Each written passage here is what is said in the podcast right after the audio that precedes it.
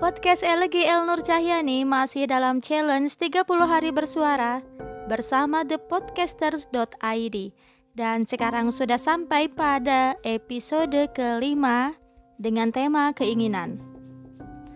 Setiap harinya temanya selalu unik dan ringan tapi begitu seru untuk dibahas. Setiap kita pastinya memiliki sebuah keinginan ya. Dan semoga saja keinginan kita itu tercapai dan untuk mendapatkannya tidak ada halangan apa pun. Nah, seperti biasa, karena sebuah kebaikan, kesehatan adalah anugerah dari Tuhan Yang Maha Esa. Setiap hari tak ada salahnya jika kita terus meminta dan berdoa. Nah, semoga teman-teman podcaster semuanya juga selalu dalam keadaan baik dan sehat terus ya. Karena itu yang kita harapkan. Tidak perlu berlama-lama lagi, saya akan langsung kepada inti dari podcast ini, yaitu keinginan harus terwujud. Tak ada harapan ketika merasa sendiri,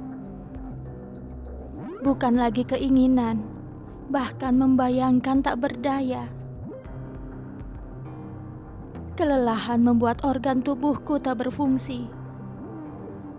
Pikiranku gelap, badanku lemas, hatiku padam. Namun jantungku masih menjalankan tugasnya. Aku pikir telah mati, sebab semua mati rasa. Aku masih hidup sebab dadaku masih naik turun mengimbangi nafas. Jantungku masih bekerja, tanda-tanda kehidupan. Namun aku mati rasa, bahkan amnesia. Apa tujuanku hidup? Semua pergi dan hilang. Apa tujuanku bernafas? Apakah hanya sekedar melengkapi keberadaan manusia di bumi? Mengakhiri hidup jalan terakhir. Terbersit atas dorongan kelemahan iman. Bisikan nurani paling murni menyadarkan kebodohan. Jalanku masih panjang.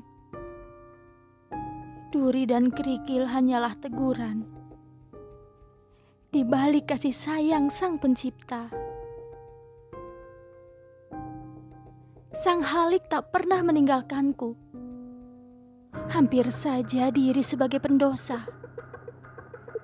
Kesadaran datang memberi kesejukan pada jiwa rapuh, hati yang panas dan pikiran kotor.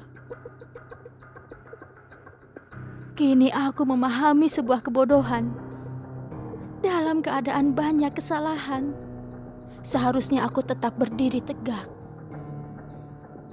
Kumpulkan kebaikan sebagai penebus dosa untuk bekal pulang pada sang halik kelak.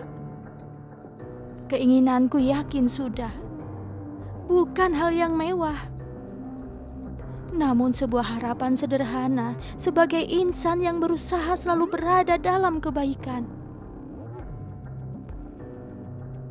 Apa pun rintangan serta jalan yang harus dilalui. Keinginanku harus terwujud.